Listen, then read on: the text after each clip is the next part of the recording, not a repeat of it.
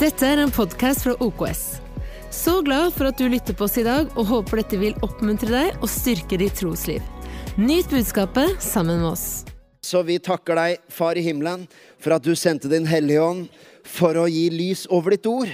Så vi skulle forstå, så det skulle synke inn, så det skulle gi innsikt og mening for oss. Så jeg takker deg for hjertets opplyste øyne over dine ord, over dine sannheter denne formiddagen. I Jesu navn. Og alle sammen sa amen. Jeg skal lese fra Lukas 9. Uh, og det som er skummelt med å skrive sånn uh, Jeg skrev en liten setning. Jeg tenkte jeg må gjøre litt reklame for søndagen. Så jeg skrev sånn at jeg var veldig klar med prekena mi og sånn. Så kommer jo folk og har så hinsides forventninger. Uh, Jeg bare Nei, nei, nei, det var ikke sånn ment. Det er ganske middelmådig i dag òg. Nei, nei da, det er det ikke. Jeg skal ikke si sånn. Eh, Lukas 9, 28. Dette er historien som faktisk i visse andre trossamfunn i andre deler av verden feires som en, som en høytid. Eh, Vi gjør ikke det eh, i den protestantiske tradisjonen, men det er den hendelsen hvor Jesus forklarer seg. Altså, han blir herliggjort foran de tre disiplene Peter, Jakob og Johannes. La oss lese historien. Omkring åtte dager etter at han hadde sagt disse ord, skjedde det at han tok med seg Peter, Johannes og Jakob opp i fjell, og gikk opp i fjellet for å be. Mens han ba, fikk hans ansikt et annet utseende, og kjortelen hans ble hvit og strålende. Og se, to menn snakket med ham. Det var Moses og Elia som viste seg i herlighet og talte om hans bortgang, som han skulle oppfylle i Jerusalem. Men Peter og de som var med ham, var tynget av søvn. Og da de ble helt våkne, så de hans herlighet og de to mennene som sto sammen med han. Da mennene skulle til å skilles fra ham, sa Peter til Jesus, og dette her er et høydepunkt. Jesus har synliggjort seg. Det skinner, det stråler fra ham. Moses og Elia, som egentlig er døde, viser seg der sånn i et syn. Og da stotrer Peter fram. 'Mester, det er godt at vi er her.' 'La oss lage tre hytter. En til deg, en til Moses og en til Elia.' Men han visste ikke hva han sa. Mens han sa dette, kom en sky og skygget over dem, og de ble forferdet da de kom inn i skyen. Og det lød en røst ut fra skyen som sa, 'Dette er min sønn, den elskede, hør ham.' Etter at røsten hadde lytt, var det ingen annen å finne enn Jesus alene. Men de tidde om dette, og i de dager fortalte de ingen noe av alt det de hadde sett. Det er en herlig nøkkelsetning her. Da var det ingen annen å finne uten Jesus alene. Det jeg har tenkt å eh, gi til deg i dag, er å vise hvordan den setningen, som sikkert for noen kan være litt radikal, og kanskje allerede i lovsangen her så tenker du det var da voldsomt til Jesus, Jesus, Jesus. Den setningen 'ingen annen å finne' Det var fantastisk lovsang, altså. Det var ikke det. Eh, ingen annen å finne uten Jesus alene. Jeg har lyst til å vise deg hvordan den setningen og denne historien veileder oss på tre av livets aller mest sentrale temaer, nemlig vårt gudsbilde, vårt forhold til forbilder og vårt selvbilde. Gudsbilde, forbilder og selvbilde. La oss begynne med gudsbildet. Og her er setningen jeg tar utgangspunkt i som du kanskje ikke umiddelbart tenker hva sier det om, om gudsbildet. Men det er nettopp det at Peter sier 'la oss bygge tre hytter'. Jeg elsker den historien. Man må jo bare beundre Peter. Ikke bare med forslaget, men, men det er ganske rått å stå med Moses, Israels største profet, Elia, en av de aller største, og nå med Jesus. Og så presterer du å si 'nå var dere heldige at vi er her'. Det er litt sånn Når du er på ditt klimaks av selvtillit og føler at du har flyten på alt, så kan jeg Jeg skal ikke dømme Peter for hardt, for jeg har liksom av og til kommet opp en tanke i mitt hjerte òg, når liksom alt flyter, og tenker Gud er jammen meg Han har flaks som har meg. Men så står det at han visste ikke hva han sa. Og jeg har ofte tenkt Jeg, jeg, hører, jeg hører, jo liksom latteren når man leser den teksten, for det er en festlig setning også. At han, han, sier det er godt, vi er her, la oss bygge tre hytter. Men han visste ikke hva han sa, og så humrer vi naturligvis av det. Men jeg har ofte tenkt at, at han visste ikke hva han sa fordi, Peter, fordi forslaget er så idiotisk, liksom. Han er så far out skal bygge hytter. Hva skal vi gjøre nå? Det er et syn. Det er Jesu herlighet. Det er Moses, Elia, Jesus. Vi bygger et hyttetun. Et lite hytteprosjekt. Kan vi dra hit i høstferien og på inneklemte dager. Alle i vårt lederteam vet om mitt forhold til inneklemte dager. Sånn, du, du sitter i et møte, og man, man, alle, man skal finne én dato som passer for alle, og så endelig finner du deg Se, det er den fredagen! Nei, det er en inneklemt dag. De som sier sånn, de er inneklemte. Når ble inneklemt dag en offentlig norsk høytidsfeiring? Det har jeg lurt på. Men egentlig så, så kommer ikke Peter med et forslag om å bygge tre fritidsboliger. Det er ikke det historien handler om. Det er ikke derfor han er forvirra. For egentlig er forslaget i seg selv er ikke helt unaturlig. Fordi når han sier 'la oss bygge tre hytter', det er oversatt med hytte, men dette handler jo om et helligsted. Altså, la oss bygge Det greske ordet er tabernakel. Som også kan være et telt eller en hytte eller en bolig. Et lite hellig sted. Så han foreslår la oss bygge altså Dette er Peters tankerekke. Moses, Elia, Jesus. Det er jo den kjendisfesten! La oss bygge et æresgalleri. La oss bygge tre tabernakler. La oss bygge et monument for disse tre. Eller ett monument for hver av dem. Hva er det da som gjør at Peter ikke visste hva han sa? Er det forslaget som er så absurd? Nei. Forvirringen til Peter ligger i forestillingen om at Jesus er en til i rekken. At du hadde først Moses, den gamle pakt, loven, Israels største profet. Så har du Elia, og nå også Jesus. Enda en læremester. En til profet. En til eh, som taler. En til budbringer. En til oppmuntrer. En til, en til formaner for Israel. Nei, Peter tenker jo at dette er, dette er, liksom Først hadde vi Moses, og her er Elia, nå Jesus. Dette er jo som Sala, Firminio og Mané. For en trio!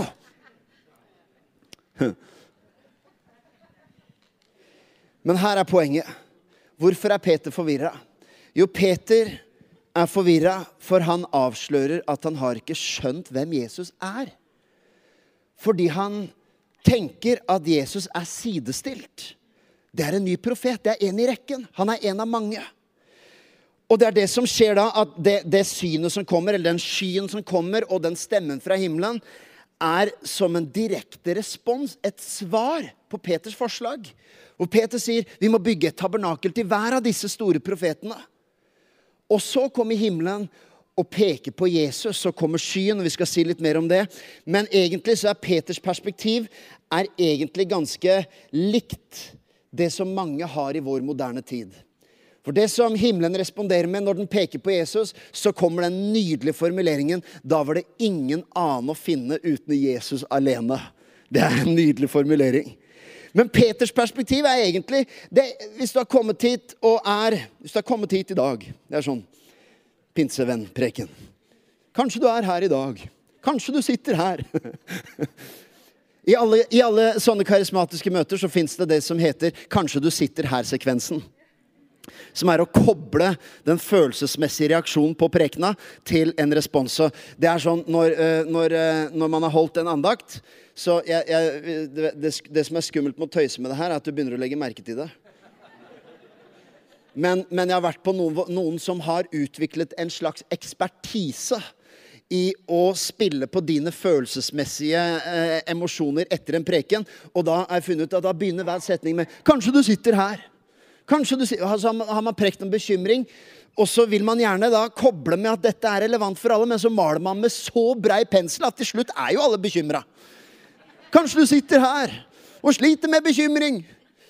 Og så vil man gjerne at folk skal respondere. Ja, du sliter med bekymring. Kanskje, kanskje er du redd for å fly. Ikke sant? Kanskje du sliter med Og når du tenker på det, så er det jo det, De sier det er trygt, men det er jo lite som skal til. Er jo det. Kanskje du sitter her og har sett den der dokumentarserien om ulykker og sånne ting. Kanskje du sitter her og du ble redd av den. Kanskje du sitter her og tenker at det, det var guffent å se på. Jeg forstår det. Det er guffent å tenke på. Nå du tenker skal jeg tørre å fly til Syden i sommer? Nei, du skal kanskje ikke det. Kanskje du sitter her. Til slutt så er jo alle livredde. Så jeg har ikke tenkt å spille på den der i dag, men jeg har tenkt å si kanskje du sitter her. Og har kommet på gudstjeneste og har egentlig litt samme forhold til Jesus som Peter. Hvis du har blitt invitert med, av noen, kanskje du ikke har en kristen bakgrunn, eller kanskje du har litt kristen bakgrunn, så har jeg funnet at den, det forholdet Peter har til Jesus i denne episoden, er veldig, veldig relevant i år 2022. For det er sånn veldig mange nordmenn tenker om Jesus. En av mange. En, sikkert et stort menneske. En, en som brydde seg om de fattige. Det er veldig mange som har en positiv assosiasjon til personen Jesus. Til og med folk som ikke er i nærheten av å tro på hans død eller hans oppstandelse. Så, så tenker man at han, han, virkelig er Han var en velgjører. Han brydde seg om de fattige, han brydde seg om de utslåtte. Og Jesus er på mange måter et, et forbilde. En av mange. Men det som skjer i denne fortellingen Jeg beklager å si det, og jeg mener ikke å liksom hva skal jeg si, konfrontere deg for, for hardt, for jeg, det er fint å, og uansett ha respekt for Jesu navn og hans person og hans historie. Men det er nesten umulig å ha det synet på Jesus. Det, det, det, er veldig irrasjonelt, det er ulogisk, for det er ingenting av det Jesus hevder han var, som er i nærheten av det synet. Faktisk så er det som skjer i denne episoden, er at det er en respons på Peters forvirring. For da står det mens han sa dette, kom en sky og skygget over dem og de ble forferdet. Og en stemme som sa, 'Dette er min sønn, den elskede. Hør ham.' Betoning på han. Ikke Moses, ikke loven, ikke Elia, ikke profetene. Hør han. Dette her er min sønn. Det som skjer i denne episoden, er at Peter, Jakob og Johannes som står der, de forstår i dette øyeblikket at Jesus han er ikke bare en i rekken en til profet, profet, en til lærer. Fordi denne skyen som kommer ned, den herligheten som finner sted på dette fjellet, det er jo et flashback til det alle jøder visste om. Historien om Moses på Sinai-fjellet. Når skyen kommer ned over Moses. Det står i tekstene, og dette visste Peter og Johannes og Jakob veldig veldig grundig. Dette har de studert siden de var små. Så har de lest det som det står om at Moses sto ansikt til ansikt med Gud. Og de har også lest det det sto om at alle som rørte ved det fjellet, kom til å dø. At den herligheten og det nærværet var så voldsomt at Israel ble, be, ble beordra om å verken se på det eller ta på det. De måtte ligge unna. Og Det er derfor det blir så forferda, for Peter, Jakob og Johannes skjønner hva som skjer. Dette her er jo Gud. Dette er Guds nærvær, en herlighetssky, og de står midt inni det. De er livredde, bokstavelig talt. De vet som jøder at dette her er en nær døden-opplevelse. Hvorfor forteller de ingen etterpå om det som har skjedd? Av og til så er sånne setninger er sånn rare at etterpå så fortalte de ingen hva som hadde skjedd. Uh, man kan logisk tenke at ja, de vil ikke fortelle noen, for ingen hadde trodd på dem. Nei, dette er grunnen til at de ikke forteller noen. Det er fordi hvis de går rundt i Judea og forteller om hva som skjedde, jo, så står vi der, og så dukker Moses opp Elia opp, og så kom det en herlighetssky og som strålte ikke bare ned, men kom ut fra Jesus. Det lyste ut fra ham, og så forsvant så forsvant de andre. Og det kom en stemme som sa, 'Dette er min sønn, den elskede. Hør ham.' Hvis de hadde gått rundt og sagt det, så hadde det vært total blasfemi. For alle ville skjønt at dere mener han er Gud. Og det var til slutt det som gjorde at Jesus ble drept, var pga. påstanden om at han er Gud og han er Guds sønn. Men hvis de forteller denne episoden, så vet de at de kommer til å gi et veldig farlig svar på det alle har spurt om. Bare les evangeliene, så ser du det er ett spørsmål som henger i lufta overalt hvor Jesus går, og det er hvem er han? Hvem er han egentlig? Og i kapitlet før, det står hele denne historien vi leste, begynner med åtte dager senere. Åtte dager senere, etter hva da? Jo, der hvor Jesus spør hvem sier folk at de er? Og svaret litt sånn Jo, noen mener Johannes, noen mener Elia, noen mener en av profetene, noen mener en, en rabbi. Og så, og så får Peter riktignok en åpenbaring. For Jesus spør hvem sier dere at jeg er, og han sier du er Messias, Guds sønn. Men i denne episoden, åtte dager senere, så har den virkeligheten fortsatt ikke gått ned i Peters hjerte. Du skjønner, du kan ha en doktrine eller en forståelse av at til og med en vanlig nordmann kan vite påstanden om at Jesus var Guds sønn, eller Jesus er Guds sønn. Men når Peter står her sånn, så er han i ferd med å erfare at jammen er det Gud. Det er hans natur, det er hans person. Dette er Gud, og det er ingen annen enn Jesus alene. Så hvordan påvirker denne historien vår forståelse av Jesus i dag? Kanskje du sitter her. Hva har dette med ditt og mitt forhold til Jesus å gjøre, og hva har dette med gudsbildet å gjøre? Fordi denne historien knuser forestillingen om at Jesus er en av mange guddommelige. Eller som representerer det guddommelige. I kapittelet etterpå er det et veldig spesielt vers. I Lukas 10, 18. Så er det et vers hvor Jesus eh, For disiplene kommer så begeistra, for de har helbredet det syke, de har drevet ut onde ånder, og de kommer og har litt sånn skryteliste foran Jesus. Og så svarer Jesus det der er ingenting. Så sier han, Da han sa han til dem, 'Jeg så Satan falle ned fra himmelen som et lyn'. Det er et merkelig svar å gi når noen skryter litt. Tenk hvis jeg var sånn pastor som Jesus var. Kommer her etter søndagen, og Elisabeth og Linn Elisabeth kommer ned. Ja, på søndag, Thomas, da var vi virkelig fornøyd med lovsangen, og det var, det var skikkelig løft, og det var flyt. Og, ja, jeg prekte som en gud. Hva slags svar er det? De kommer begeistra. Jesus sier det der er ingenting jeg så Satan faller ned fra himmelen som et lyn. Vet du hva? Den setningen, den er vill.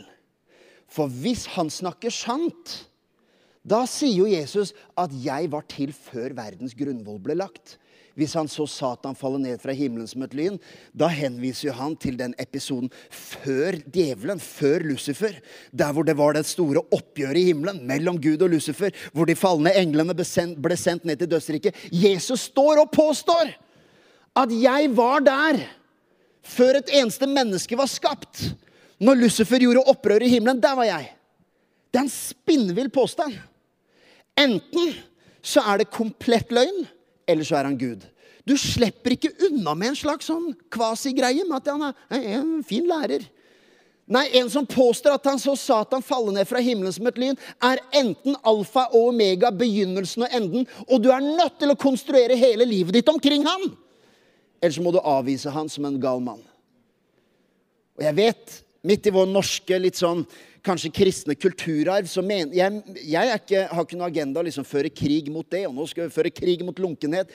Jeg, jeg bare viser deg denne historien og den responsen Peter, Jakob og Johannes har. For Peter hadde et sånt forhold at ja, en, en, et tabernakel til Moses, en til Elia, en til Jesus.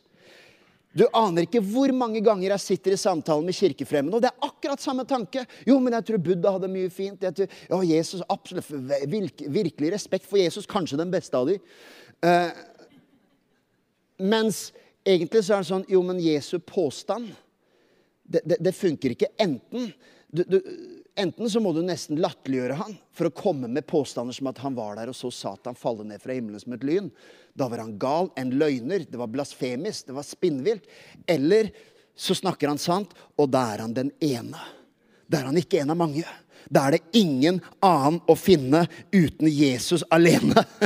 Vet Jeg jeg har fortalt kanskje før, men jeg, jeg var en misjonær i India som fortalte meg dette her, at når de Fordi så mange mennesker kommer til tro, og de døpte mange mennesker. Og de måtte stille to spørsmål hver gang de døpte folk. Når vi døper her, så stiller vi helt enkelt Tror du at Jesus Kristus er Guds sønn? Eh, tror du at han døde og sto opp, de, eh, sto opp igjen fra de døde? Eh, han fortalte at når de døper der, så er det to spørsmål de stiller. Det ene spørsmålet som er interessant, det er fordi det, var, det er så han beskrev i dette området så mye kvinnemishandling, også i religionens navn, at det første spørsmålet var eh, rett og slett et løfte om at nå som du tilhører Jesus og begynner et nytt liv, eh, vil du avstå fra voldsbruk mot din ektefelle? Det var ett spørsmål. Som en, som en markering av at her skjer det en omvendelse.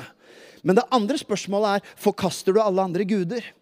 Og han forklarte Grunnen til at vi må spørre det spørsmålet, er fordi at i hinduismen så er det hundrevis av guder. Men alle har en husgud, eller flere. Og når vi kommer og forkynner Jesus, og oppfatningen er at Oi, en gud til! Suverent! Bonus! Så må de si at nei, men dette er ikke en sånn gud. Dette er ikke en ny gud i rekken. Dette er ikke en ny profet i rekken. Det er ingen annen å finne uten Jesus alene. Derfor så spør de har du, vil du ta imot den Jesus og tro på at han var den han hevda han var, for han passer ikke inn i rekken. Enten så er han langt mindre verdig, verdig enn noen husgud. For hvis han kommer med så elleville påstander som bare er løgn, så er han ikke engang verdt den statuen som en husgud er. Men hvis han snakker sant, da er det ingen andre guder enn ham. Og Derfor så spør de forkaster du alle andre guder. Jeg husker at jeg tenkte mye på den historien og lurte på hva slags spørsmål burde vi stille når vi døper folk. Og Vi har ikke tenkt å gjøre noe forandring av, av dåpstradisjonen vår. Men jeg tenkte også på dette her. at det er ikke så stor forskjell på indisk åndelighet og min åndelighet. For i min åndelighet kan også Jesus bli en av mange monumenter i rekken. Jesus elsker meg, lærer vi fra vi er små, og det er veldig bra.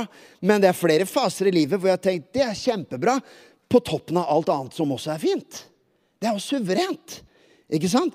Peter tenkte at Jesus passa fint inn sammen med et par andre.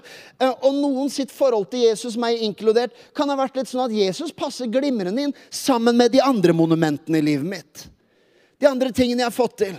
Og karrieren og livet og økonomien og, og, interessene mine og mitt image og mitt utseende. At, at, Jesus elsker meg på toppen av det. Topp! Ingenting å klage på her. Forkaster ikke han, jeg. Og jeg er ikke her for å holde en sånn veldig vanskelig preken. Og det er ingenting av de, ramse, de tingene jeg ramser opp, er ting du skal behøve å forkaste. Jeg sier ikke 'forkaster du alle andre guder'. Jeg bare sier at det å ta imot Jesus er ikke å berike livet sitt litt. Det er egentlig å starte på nytt. Jeg skulle ønske at For jeg, sånn, jeg liker jo vår folkelighet, og at OKS er liksom eh, eh, en folkelig kirke, og vi er her for alle, og vi ønsker ikke å skremme bort noen. Vi ønsker å ønske alle velkommen. Om du forstår evangeliet på én uke, eller om det tar deg ti år, så skal ingen tvinge deg til noe som helst. Take your time, kos deg, nyt fellesskapet. Ingen her skal tvinges til å tro. Men, men når det kommer til evangeliet, så kan ikke jeg stå og si at ja, Jesus kan berike livet ditt. Beklager. Det er ikke det kristne evangeliet. Da må du gå til en motivator eller en eh, yogasesjon eller en selvhjelpsguru. Det kristne evangeliet er det er ingen annen uten Jesus alene. Det er å starte på nytt. Det er evangeliet. Sånn er det. Oi, oi, oi. Johannes 1, 18 sier, 'Ingen har noen gang sett Gud, men den enbårne som er Gud, som er i fars favn, han har vist oss hvem han er.' Og i Johannes 14 så sier Jesus selv, 'Den som har sett meg, har sett far'. Det er dristige påstander. Har du sett meg, har du sett Gud. Du har ikke bare sett en av mange, men du har sett hans ansikt. Mange menneskers religion er litt sånn at det fins kanskje noe der ute. Eh, kanskje, Og hvis det fins en gud, så er han sikkert kjærlig. Men det er umulig å tenke at det fins en kjærlig gud hvis han er ukjent og anonym.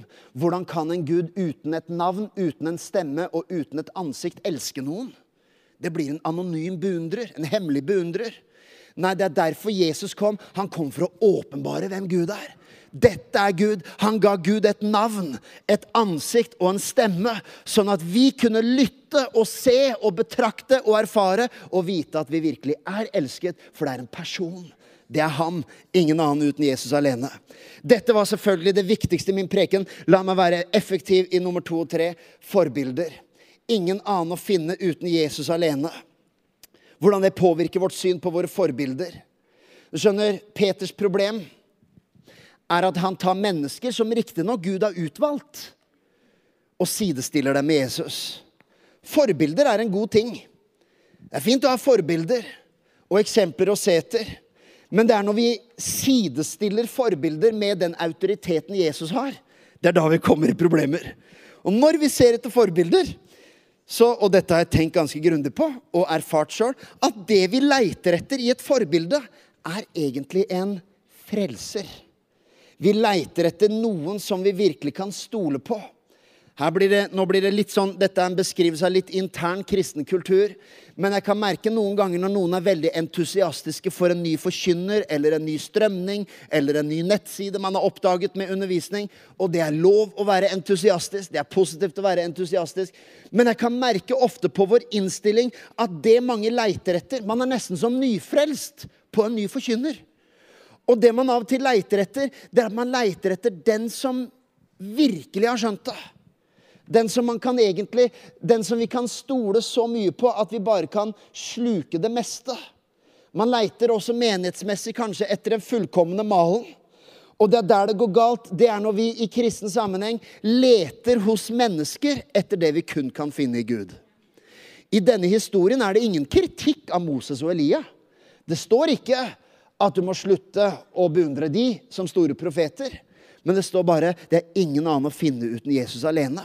Jeg skal lese et annet bibelvers fra denne levende bokoversettelsen som oppsummerer dette her. Men hele poenget, hvor er vi i prekenen? Jo, det er ingen annen å finne uten Jesus alene. Det påvirker vårt, vår teologi, vårt syn på Gud, vår, vår bønn, måten vi lever, og skjønner at vi må konstruere livet vårt rundt denne mannen. Hvis han snakket sant, og det gjorde han. Og så er konsekvensen av det at det også påvirker måten jeg ser til forbilder.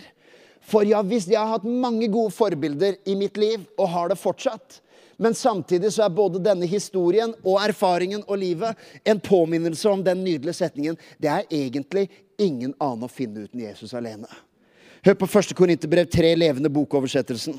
I den vanlige eh, oversettelsen så står det egentlig Derfor skal dere ikke rose dere av mennesker. Men hør på ordlyden i den her. Skryt derfor ikke over at dere er sympatisører til spesielle personer. Dere tilhører jo Kristus, og Kristus tilhører Gud. Derfor eier dere alt som tilhører Gud. Paulus, Apollos, Peter og hele verden. Det spiller ingen rolle om dere lever eller dør. Nåtiden og framtiden er deres. Ja, alt er deres! Ettersom dere tilhører Kristus. Legg merke til hva det ikke står. Det står ikke 'ikke vær sympatisører til noen'. Ikke as assosier deg med noen. Det er ikke det det står. Men det står 'skryt ikke' av at dere sympatiserer til spesielle personer. Det er ikke der identiteten ligger. Det er ikke der kraften ligger, det er ikke det som er navnet, det er ikke det som er varemerket, at vi tilhører den mannen, den forkynneren, den tingen. Nei, det er der det kommer. I stedet ingen annen å finne uten Jesus alene. Det nye testamentet er full av linker, assosiasjoner, mennesker som samarbeider, apostler som finner hverandre. Men der hvor det går galt Du skjønner, I evangeliet er det sånn her. Du har kanskje hørt meg si dette før. Rekkefølge er alt. I det kristne evangeliet kan du ha to gode ingredienser. Den ene rekkefølgen er guddommelig, den andre er djevelsk. Ta f.eks. aksept og gode gjerninger. Det er to gode ingredienser. Du er akseptert, og du kan gjøre gode gjerninger. Det er ingen av de som er djevelske i seg sjøl. Men hvis du har riktig rekkefølge, nemlig at du først er akseptert, og på det fundamentet kan du også gjøre gode gjerninger. De to gode ingrediensene kan bli djevelsk når du bytter om på rekkefølgen. Hvis fundamentet er at jeg gjør gode gjerninger, og på det fundamentet så kan jeg bli akseptert. Gjør jeg det bra nok, så er jeg akseptert. Det er en djevels tanke. Det er, jo det egentlig slangen kommer og lurer Adam og Eva med uten å gå inn på den historien nå. Det er jo det som er komplett anti-evangelisk og antikristelig. Det er forestillingen om at du må gjøre moralske gjerninger for å kvalifisere deg for Gud og holde loven og holde budene, og til slutt så sier Gud ja, greit, det her er bra nok. Det er det totalt motsatte av evangeliet.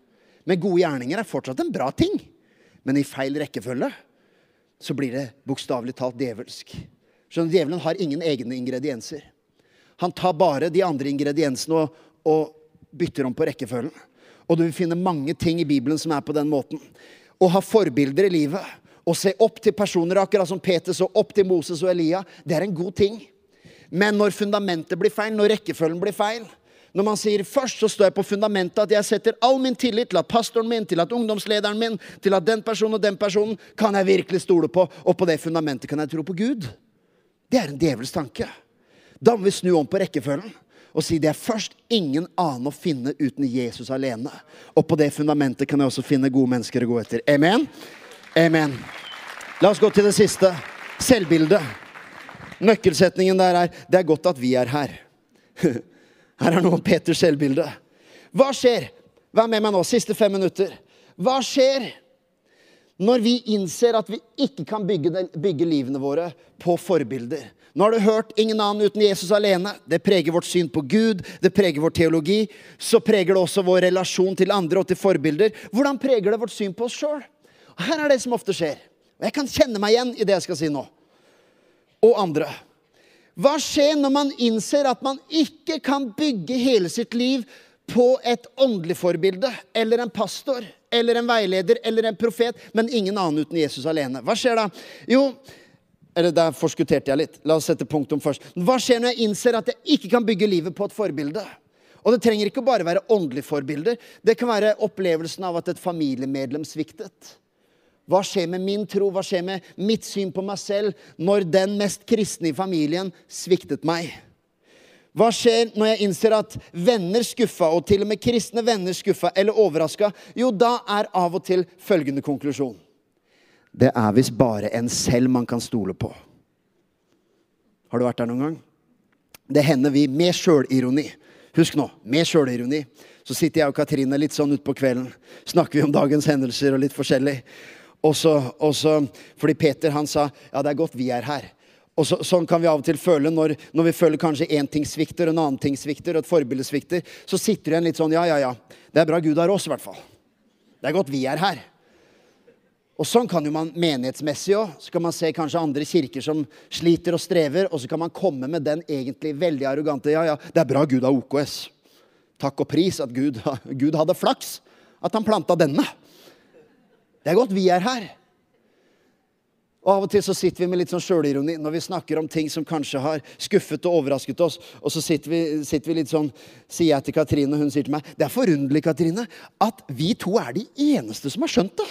Er ikke det rart? At det ikke er flere. Man skulle tro at det var flere. Så er det bare oss to. det er godt vi er her. Du forstår humoren i det. Det er ikke sånn vi leder og tenker. Men det er helt klart at det å ende opp med at andre menneskers skuffelse munner ut i at jeg kan kun stole på meg sjøl, det er å posisjonere deg for fordømmelse og skam og anger. For like mye som dine forbilder har potensial av å skuffe deg, like stort potensial har du av å skuffe deg selv. Og hva skjer når vi blir skuffa over oss sjøl? Jo, det er fordømmelse. Hvordan kunne jeg få meg til å gjøre noe sånt? Eller i hvert fall jeg burde klart å gjøre ting riktig. Her er min påstand, siste påstand i dagens preken, og så kan vi få hjelp av både pianist og resten av teamet etter hvert her. Her er min påstand. Ditt selvbilde er formet av ditt gudsbilde. Tenk på dette her. Gud allmektig, skaper av himmel og jord. Fra evighet til evighet. Alfa og omega, begynnelsen og enden. Han led, tok på seg smerte, forkastelse, avvisning og elendighet for å ha personlig fellesskap med deg.